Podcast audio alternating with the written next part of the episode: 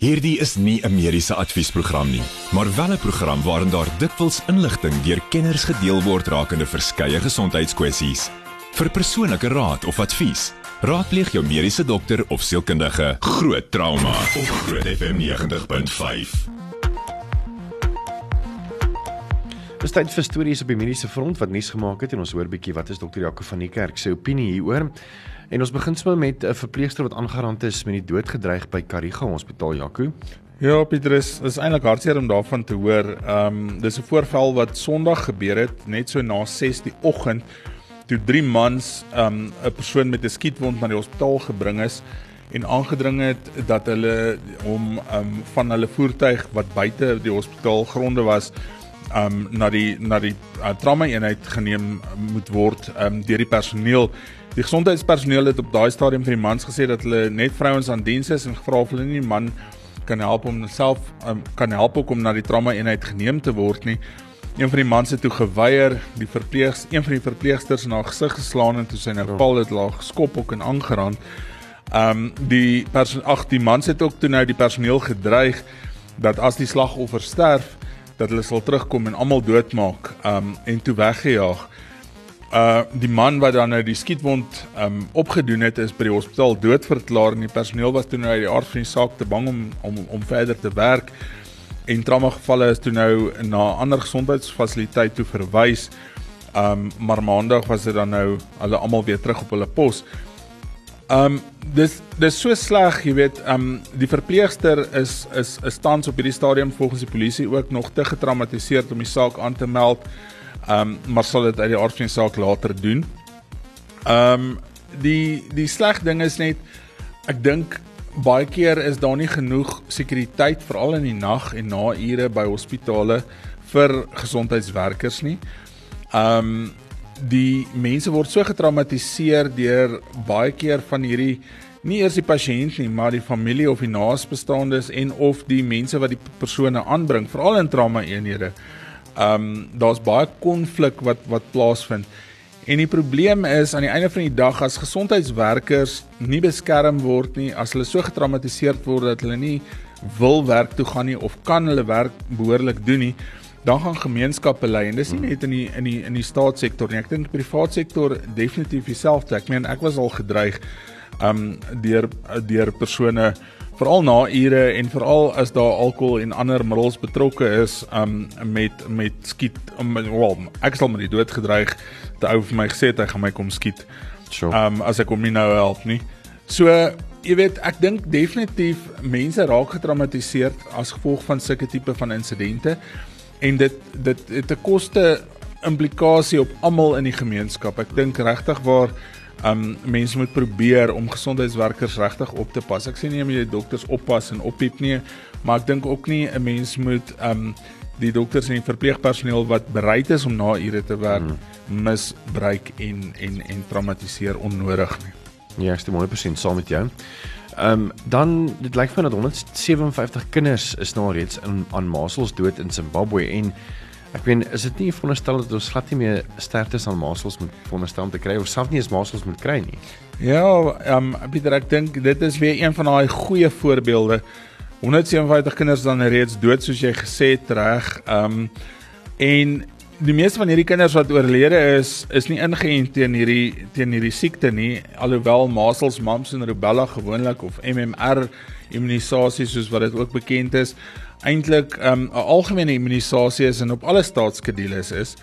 Maar hierdie kinders is nie ingeënt nie weens hulle familie se godsdienstoortuigings. Um die uitbreking van die measles epidemie in, in Zimbabwe het vroeg in April vir die eerste keer begin.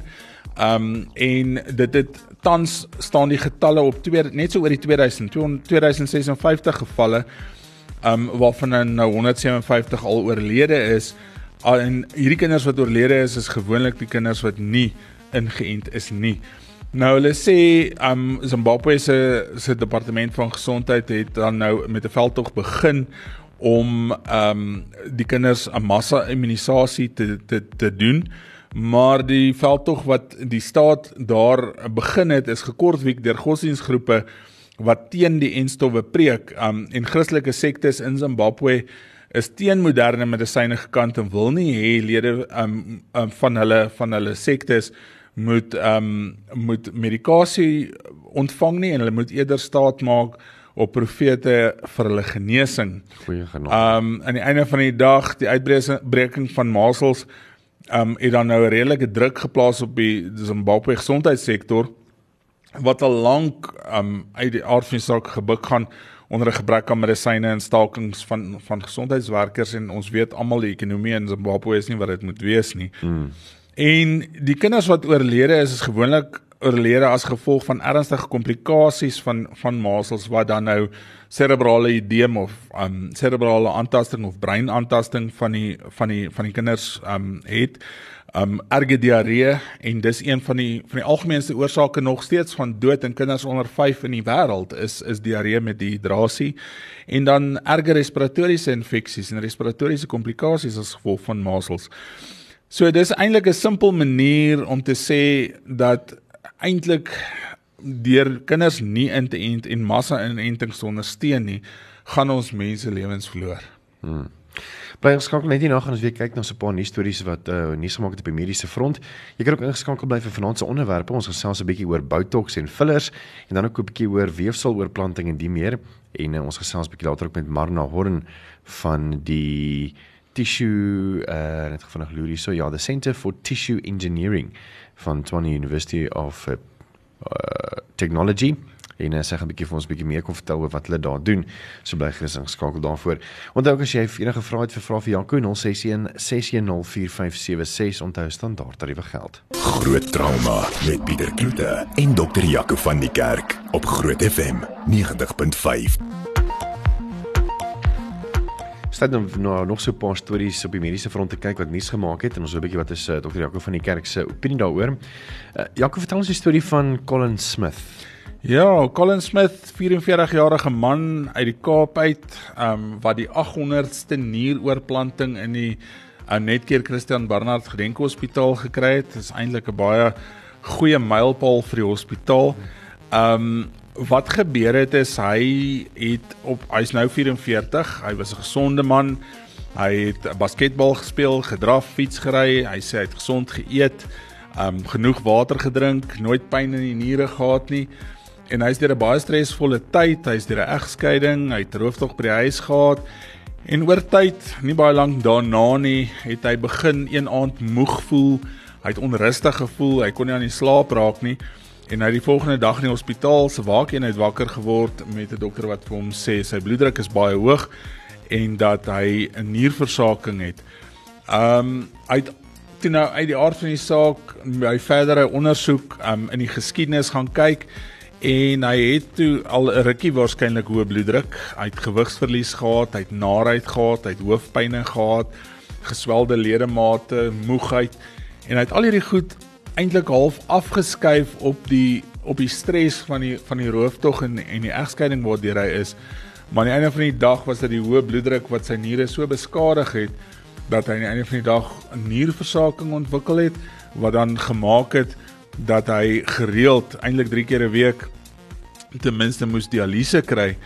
Um die aard van die saak dialyse is nie is eintlik net 'n tussenstap. So aan die einde van die dag is dit nie jou jou behandeling vir nierversaking nie, dis net om jou op die waglys te hou vir 'n nieroorplanting.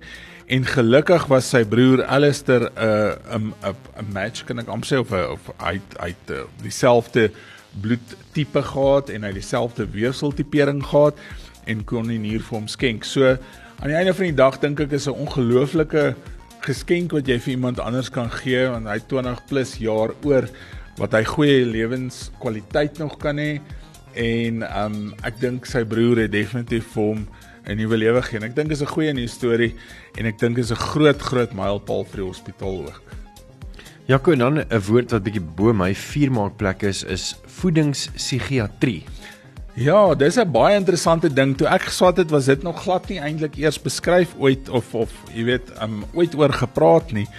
Maar basies um kom dit daarop neer dat daar nou studies gedoen word op die verbandskap tussen jou dieet en jou psigologiese welstand in terme nie net van hoe jy voel nie, maar ook hoe jy slaap, um hoe jy funksioneer, wat is jou konsentrasie?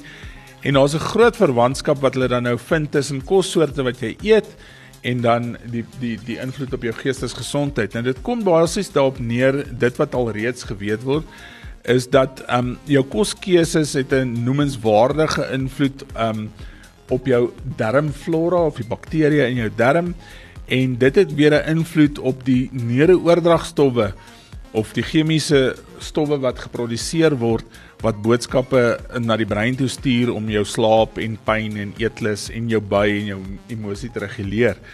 So daar is 'n groot groot verwantskap tussen dit wat jy eet en jou dieet en jou emosionele ge eh, geestestoestand. Um ons weet die omega 3 vetsure wat dan nou in neute en in salm en in in sardientjies en daai klas van dinge is, um die folinsuur, die yster, magnesium, sink, B-vitamiene, jou Vitamiin A en jou Vitamiin C is goed. Um en dit het gelyk vir my ook 'n goeie effek op jou op jou um geestesgesondheid. Die um kossoorte wat geestesgesondheid in die wiele ry is maar meestal jou verwerkte kosse. Um jou uit die aard van saak alles wat lekker is, jou lekker goed, jou gebakte produkte, jou versoete goed. Alkohol uit die aard van die saak en dan wisselvallige etenstye. Um hulle sê ook daar's bevind dat ongereelde maaltye ons koskeuses en sirkadiese ritme um in gedrang bring en dit maak dat daar inflammasie en selfs darm um, die mikrobiome of die of die of die um darmorganismes verander oor tyd en dit het uit jaar van die saak 'n groot effek op ons op ons gemoed. En as jou sirkadiaanse ritme uit is, is jou slaap uit en as jou slaappatroon uit is, dan uit die aard van die saak gaan alles net in een rigting en dis nie noodwendig 'n goeie rigting nie. Nou ja, toe. Dit was 'n paar uh stories op 'n mediese front wat nuus gemaak het en dokter Jaco van die kerk natuurlik sy opinie daaroor. Bly skakel net hier nou gaan ons 'n bietjie gesels oor weefseloorplanting en dan ook bietjie oor botox en fillers en die meer. So bly gerus ingeskakel daarvoor. As jy enige mediese vrae het, is jy welkom om vir Jaco te vra by 061 610 4576 onthou standaard tariewe geld. Groot trauma met Pieter Kloete en dokter Jaco van die kerk op Groot FM 90.5.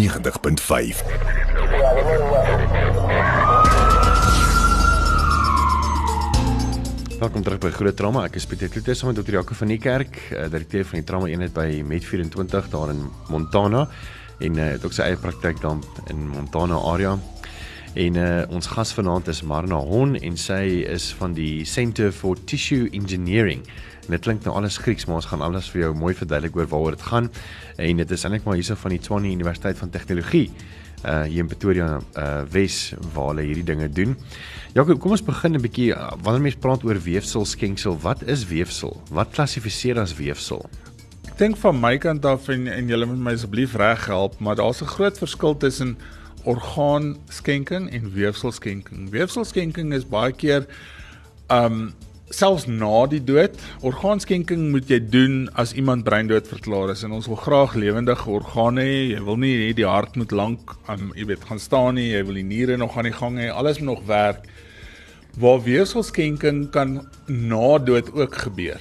So dis gewoonlik maar vel, korneas, been, ehm um, tendon, ligamente wat 'n mens kan skenk selfs na jou dood. En ek dink weefselskenking is baie wyeer as orgaanskenking. Jy moet baie streng kriteria um jy weet aan aan voldoen om 'n orgaanskenker te wees. Daar's sekere siektes wat jy nie kan hê nie, daar's sekere toestande wat jy nie kan hê om 'n orgaan te skenk nie, maar weefselskenking is baie wyeer. En ek dink ook jy kan baie ouer wees as jy 'n weefselskenker is. Um afhangend.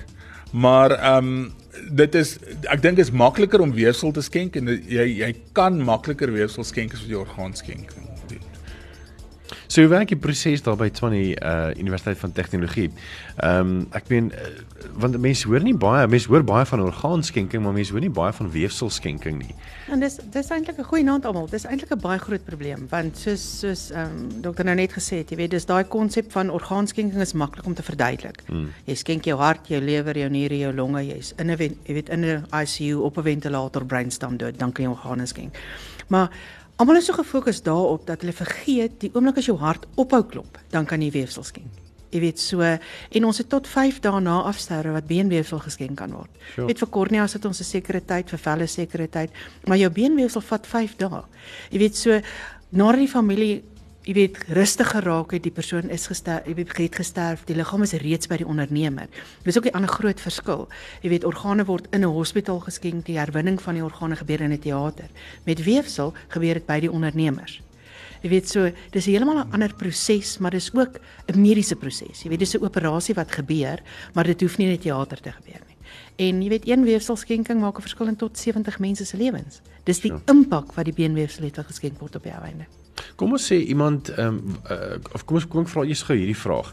Met orgaanskenking ehm um, natuurlik uh, moet jy besluit of jy 'n orgaanskenker wil wees, maar as jy afgesterwe het, is jou woord in elk geval die laaste op die lysie. Jou familie moet nog steeds ehm um, die toestemming gee vir orgaanskenking.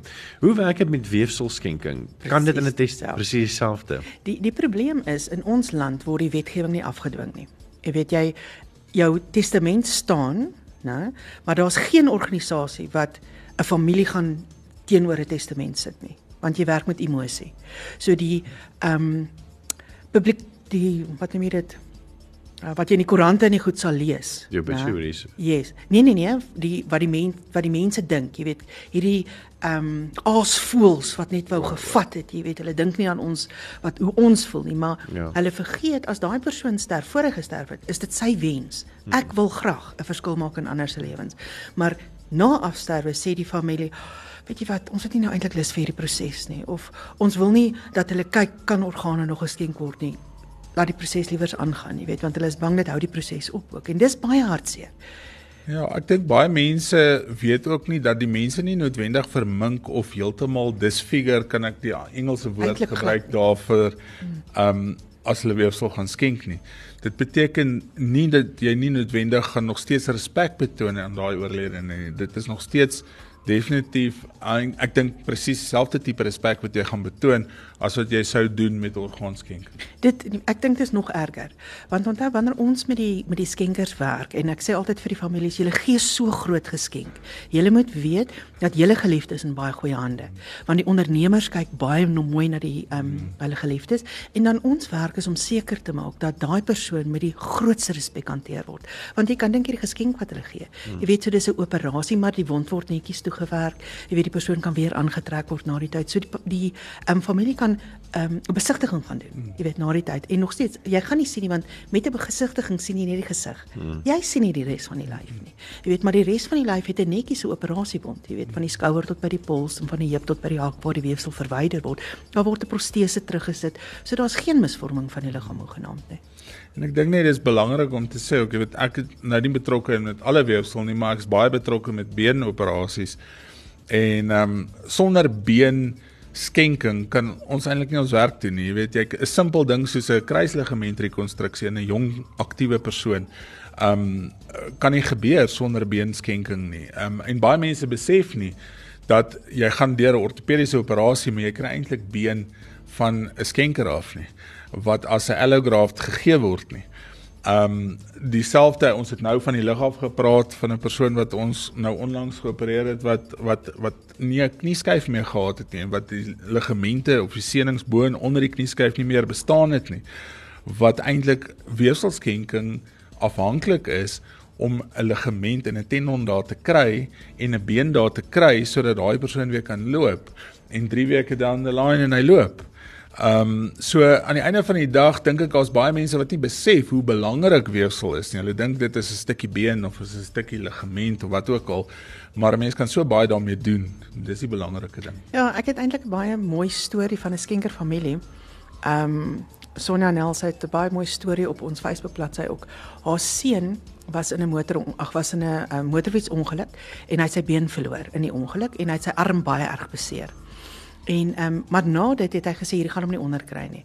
En Werner het besluit, weet jy wat, hy het ehm um, gekwalifiseer as 'n akrobatiese vlieënier, né, met een been en hy het moes 'n armoperasie ondergaan en toe ek presies 8 jaar nadat hy sy motor motorfietsongeluk gehad het, is hy dood in 'n vliegongeluk. Hmm.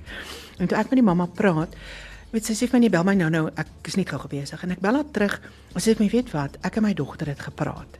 En toe besef ons dat Werner het skenkerbeen in sy arm gekry wat gemaak het dat hy nie die gebruik van sy hand verloor het nie en daarna het hy gekwalifiseer as 'n vlieënier. Sy sê vir my later en wat sy toe op daai oomblik besef is die kadaverbeen wat hy gekry het, het skielik mens geword. Mm, Want toe besef sy dis iemand se geliefde, 'n familie wat besef het hoe belangrik dit is om ander te help. Mm. En hulle het die geskenk van hoop gegee vir 'n ander familie weer. Weet en dis as jy nou tereg sê, mense wat dit kry dink, ag dis net nog 'n stukkie been. Jy weet, maar daai stukkie been het aan iemand se geliefde behoort mm. en daai familie moes hierdie ongelooflike aksie doen om te sê dis reg. Hy is 'n skenker of sy is 'n skenker.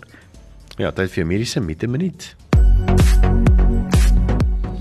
Ek dink ons gaan nou 'n bietjie oor kosmetiese goed praat en almal dink Botox as jy die woord Botox gebruik is net vir kosmetiese gebruik. En as mens mooi gaan kyk, is daar eintlik baie min lande. Ek dink laaste ek gekyk het 21 lande waar Botox um geregistreer was vir kosmetiese gebruik.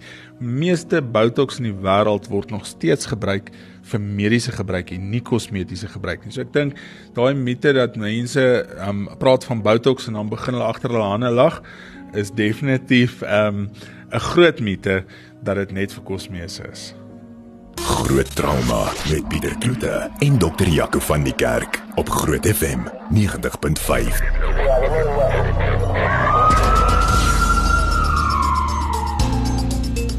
Ons het selfs 'n bietjie oor weefselskenking en in die ateljee het ons uh, vir Marna Horn en sy is van die die sentrum van weefsel ingenieurswese. Dis 'n Afrikaanse woord eintlik maar hulle in Engels is hulle staan bekend as the Centre for Tissue Engineering en hulle is hierso van Tshwane Universiteit van Tegnologie af.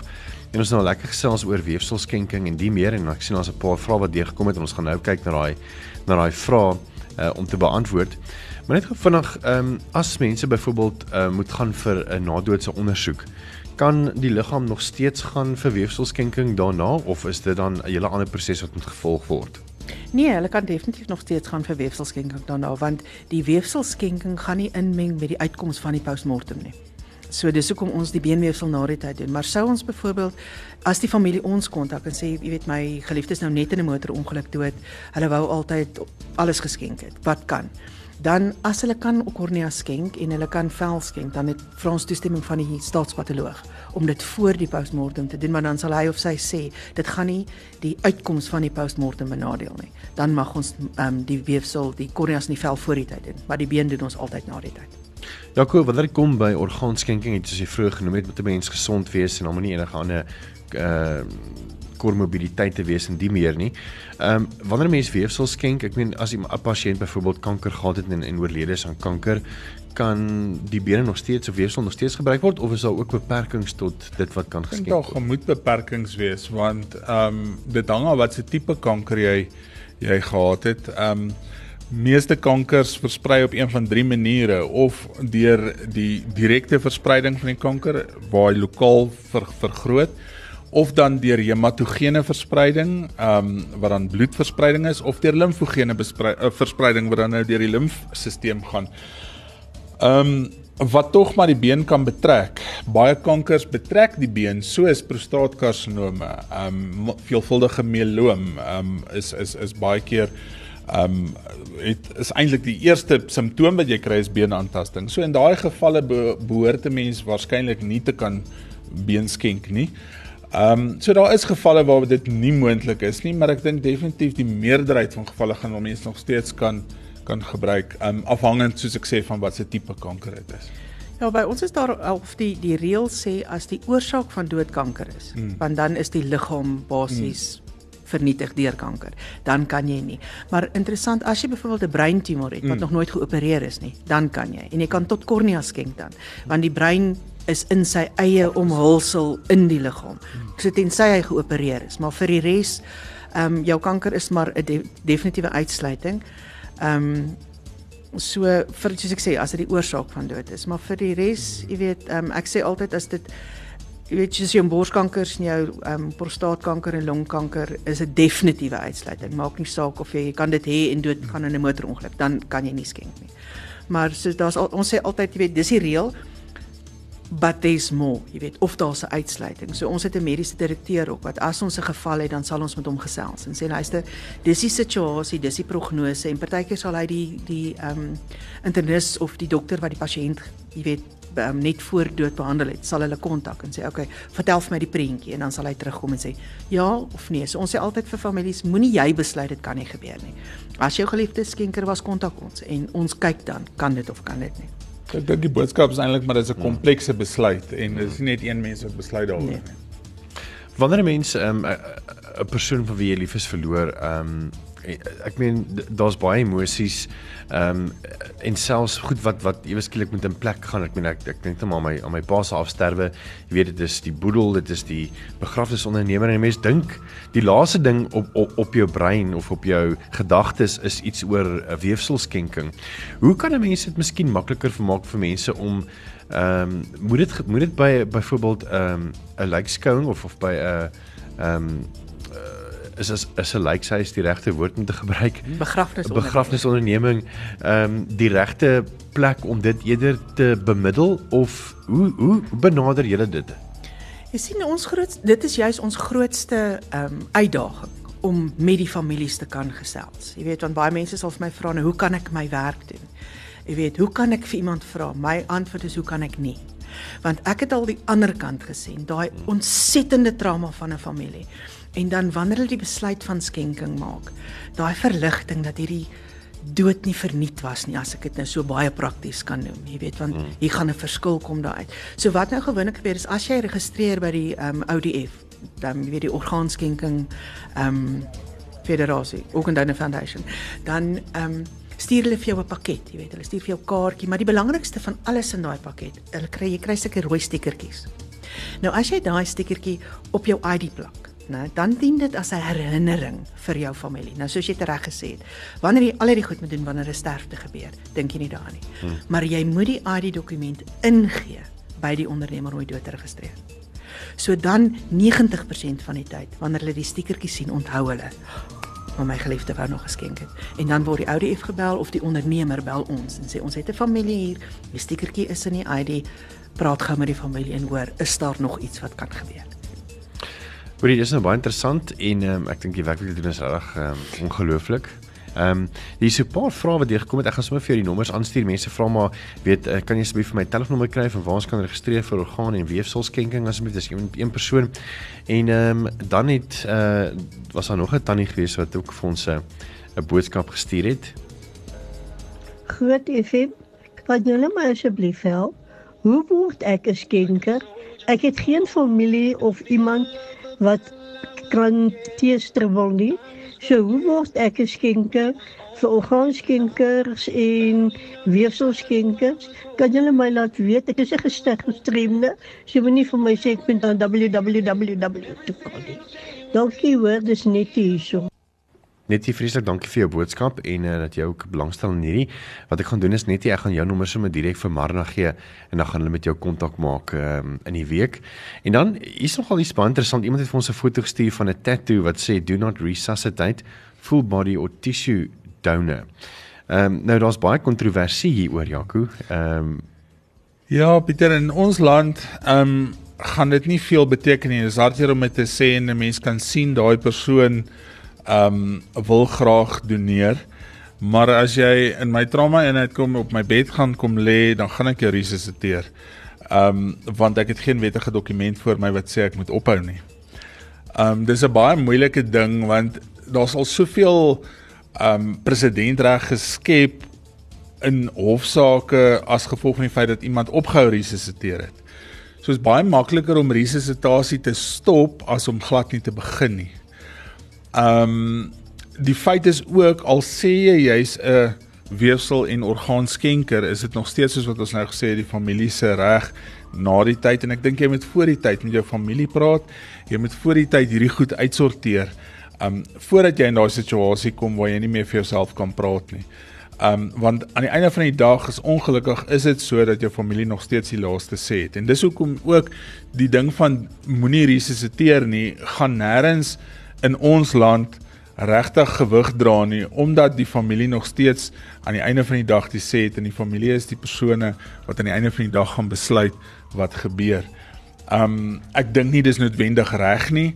Ek dink nie dis noodwendig altyd goed in terme van die persone wat graag kies om nie geresusciteer te word nie. Ek dink is jou reg om dit te, te kies.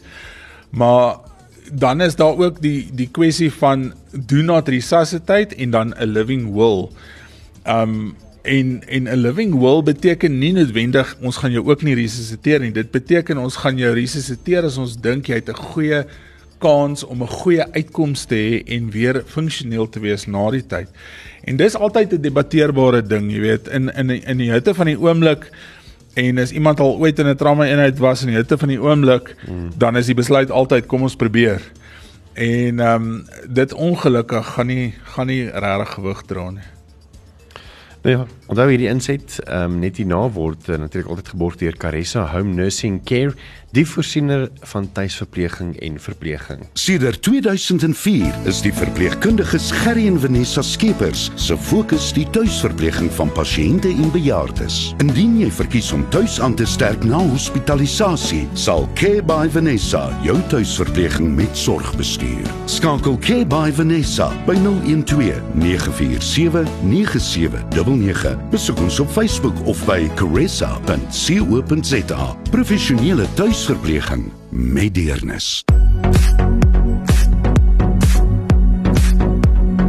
Ons het laasweek 'n bietjie gesels oor eh, Caressa en uh, groot trauma en groot FM 90.5 wat um, wil kyk na die verpleegster uh, of versorger wat letterlik um, uit hulle pad uit gaan uh buite natuurlik hulle werk waarvoor hulle betaal word.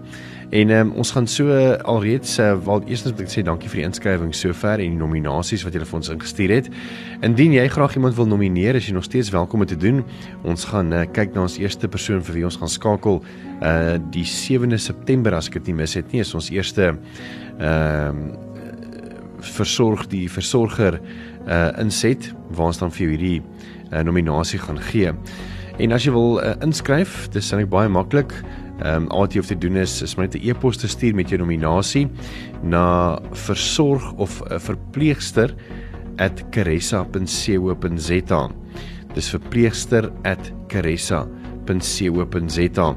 En uh, hopelik word jou storie ehm um, uh, of help dat ons dan weer kan teruggee aan uh, die versorger wat letterlik uit hulle pad uit gaan uh om dit vir ander mense makliker te maak wanneer dit uh, siek is soos verpleegster @caressa uh, onthou is 2 s'e.co.za Met die volgende program bo Groot FM 90.5 om jou as luisteraar met die nodige inligting oor 'n spesifieke onderwerp te voorsien. Alhoewel hierdie inligting dikwels deur 'n kenner op die gebied gedeel word, word jy aangemoedig om jou mediese dokter of sielkundige te besoek vir persoonlike advies of raad. Groot trauma op Groot FM 90.5. En die atleet is vir Marna Horn en sy's van die ehm um, sentrum van weefsel ingenieurswese by Tshwane Metro uh, Universiteit van Tegnologie. Net gevra as mense graag hulle weefsel wil skenk en weet jy hoe kan hulle met julle in kontak kom, Marna? Weet jy, ons werk baie nou saam met die Organ Donor Foundation. So dis basies een registrasie. Jy gaan na www.odf.org.za en jy doen die registrasie. Daar is vyf vragies wat jy invul. Hulle skakel jou terug en hulle doen alles telefonies met jou daarna. So dis 'n baie baie maklike proses, maar nog steeds die belangrikste van hierdie hele ding is praat met jou familie. Hmm. Want jy kan 80 keer geregistreer wees. As hulle nie weet dis wat jy wil hê nie, dan gaan dit nie gebeur nie. Sure. Maak sin. Dankie weer eens vir jou tyd Marna en uh, dankie vir die werk wat jy doen. Ja, kom ons praat 'n bietjie oor ehm um, botox en fillers. Ehm um, weet naas weefsel en en die meer uh is mense wat nog lewendig is wil hulle graag ook hulle weefsel dis nou 'n vel wil dit mooi lyk. Ehm um, wat is van die mites van botox en fillers en die meer? Ja, ek dink ehm um, baie mense daar buite dink al al hierdie goed wat hulle op TV sien oor botox en fillers is die waarheid, jy weet, hierdie fillers gaan rong ehm um, tipe van programme en en dis eintlik so ver van die waarheid af. Ek dink as mense na kosmese gaan kyk, moet mense gaan kyk na die chirurgiese gedeelte van kosmese en dan die nie chirurgiese deel. En die nie chirurgiese deel is die ding dink ek wat op hierdie stadium die meeste ontwikkel in terme van botox, in terme van fillers, maar ook in terme van laserterapie, in terme van plasmaterapie, in terme van ehm um, blaadjieryke plasmaterapie. So daar's soveel verskillende modaliteite wat kan maak dat 'n mens eintlik veroudering teenwerk. En baie mense sê okay, dis nou dis nou half ehm um, wat is wyn in Afrikaans, né? Nee? Om dit te doen en hoekom doen mense dit? Maar aan die einde van die dag is dit om jouself beter te laat voel en aan die einde van die dag is dit om mooi na jouself te kyk totdat jy die aard van die saak um dan nou dan nou sterf. Um Botox dink die meeste mense, ek dink 'n groot mite daar buite is ook dat jy 'n spier gaan verlam as jy die Botox spuit. En dis nie heeltemal die waarheid nie. As jy gaan kyk hoe Botox werk, Um en jy gaan in jou geestesoog kyk hoe lyk 'n spier. Bo op die spier is daar eintlik klein antennetjies of mikroneuroseptore en dit is sensitief vir die senuwee wat na daai spier toe gaan en waar daai senuwee dan die neurooordragstowwe wat ons nou-nou oor gepraat het wat kos ook 'n invloed op het. Daai senuwee gee neurooordragstof af, daai neurooordragstof gaan sit op daai reseptor en dit gee die impuls vir die spier om saam te trek. So wat jy doen met Botox is eintlik om in die spier te spuit, ja, maar dit vat 72 uur en langer om genoeg van daai botox uit die spier te laat kom en op daai reseptore te gaan sit. So eintlik doen jy niks aan die spier nie. Jy doen niks aan die senuwee nie, jy gaan sit tussen die twee. En dis kom dit stelselmatig inkom en die werking daarvan stelselmatig begin, maar ook stelselmatig uitwerk. Jy gaan nie een oggend net opstaan en dink, jy weet, nou is alles uitgewerk nie. Ehm um, baie mense dink ook daar's langtermyn neeweffekte van botox wat nie die waarheid is nie. As jy gaan kyk, ehm um, botox word basies meestal gebruik nog steeds vir mediese gebruik en daar's nie 'n spesialiteit daar buite wat dit nie gebruik nie. Die oftalmoloog gebruik dit vir strabisme of of skeelheid in kinders wat altyd 'n groot operasie was om spiere herimplantings te doen, maar nou kan jy die teenoorgestelde spier gaan botox spuit en jy leer daai werkende spier om om gebalanseerd te wees. Um die neuroloog gebruik dit migraine, um tandartse vir vir vir kners.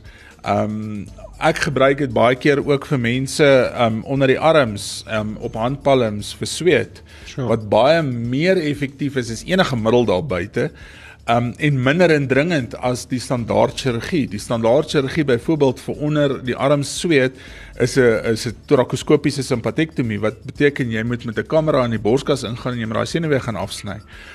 Um wat wat regtig nogal indringend en duur is wat jy dan uit die aard van die saak baie effektief met botox kan doen. Mense dink oor fillers dat dit vel rek en dat dit weefsel beskadig, maar Die meeste fillers daar buite is hyaluronsuur basis en hyaluronsuur is 'n normale komponent van vel. Ons maak heeltyd en ons breek heeltyd af. So hoe ouer ons word, hoe stadiger maak ons ons breek teen dieselfde tempo af. Hmm. En dis deels ook hoekom mense, daar's baie ander redes ook, maar hoekom velle dunner en droër en en en en en, en minder elasties raak. So baie keer as jy 'n nie permanente filler gaan insit, is dit eintlik die vog in die vel wat jy terugtrek in die vel in fisies en jy hidreer en rehidreer eintlik die vel. En dis waar baie van die van die plumping effek of die of die vergrotingseffek vandaan kom. En die gedagte agter fillers, die oomblik wat jy die woord filler gebruik, dan dink mense ook aan hierdie groot lippe mm -hmm. en snaakse gesigte, jy weet, maar die gedagte agter 'n filler is eintlik om daar waar jy vetvolume in die, in die gesig verloor om dit terug te sit net. So wat gebeur? Hoe ouer ons word, hoe dunner word ons lippe. Ons lippe word net dunner omdat ons vetvolume verloor daar. Ons kry nasolabiale voue hier van die neus af mond toe. Um omdat ons vet verloor daar, want ons het vetkussings in die gesig. Almal van ons se mondhoeke gaan begin hang oor tyd. Hoekom? Want daar's 'n spier wat hom aftrek en ons het nie vetkussing om hom daar te sit nie. So die gedagte agter die hyaluronsuurfillers was nog altyd gewees om daai vet volume wat jy verloor terug te sit. So jy hoef nie iemand snaaks te laat lyk nie en iemand hoef nie abnormaal en onnatuurlik te lyk nie. Um jy kan letterlik net weer eintlik terugsit wat jy verloor. Ek dink daar's nog baie om te sê oor dit en ek het nog so 'n paar vrae so ons gaan definitief weer volgende week miskien ook net die program weer begin met uh, botox en fillers want ek het 'n paar lekker vrae wat ek vir jou wil vra. Reg. Dis dit vir groot trauma. Ons is volgende week Woensdag weer saam met jou tussen 8 en 9. Groot trauma met Pieter Kloete en dokter Jaco van die Kerk op Groot FM 90.5.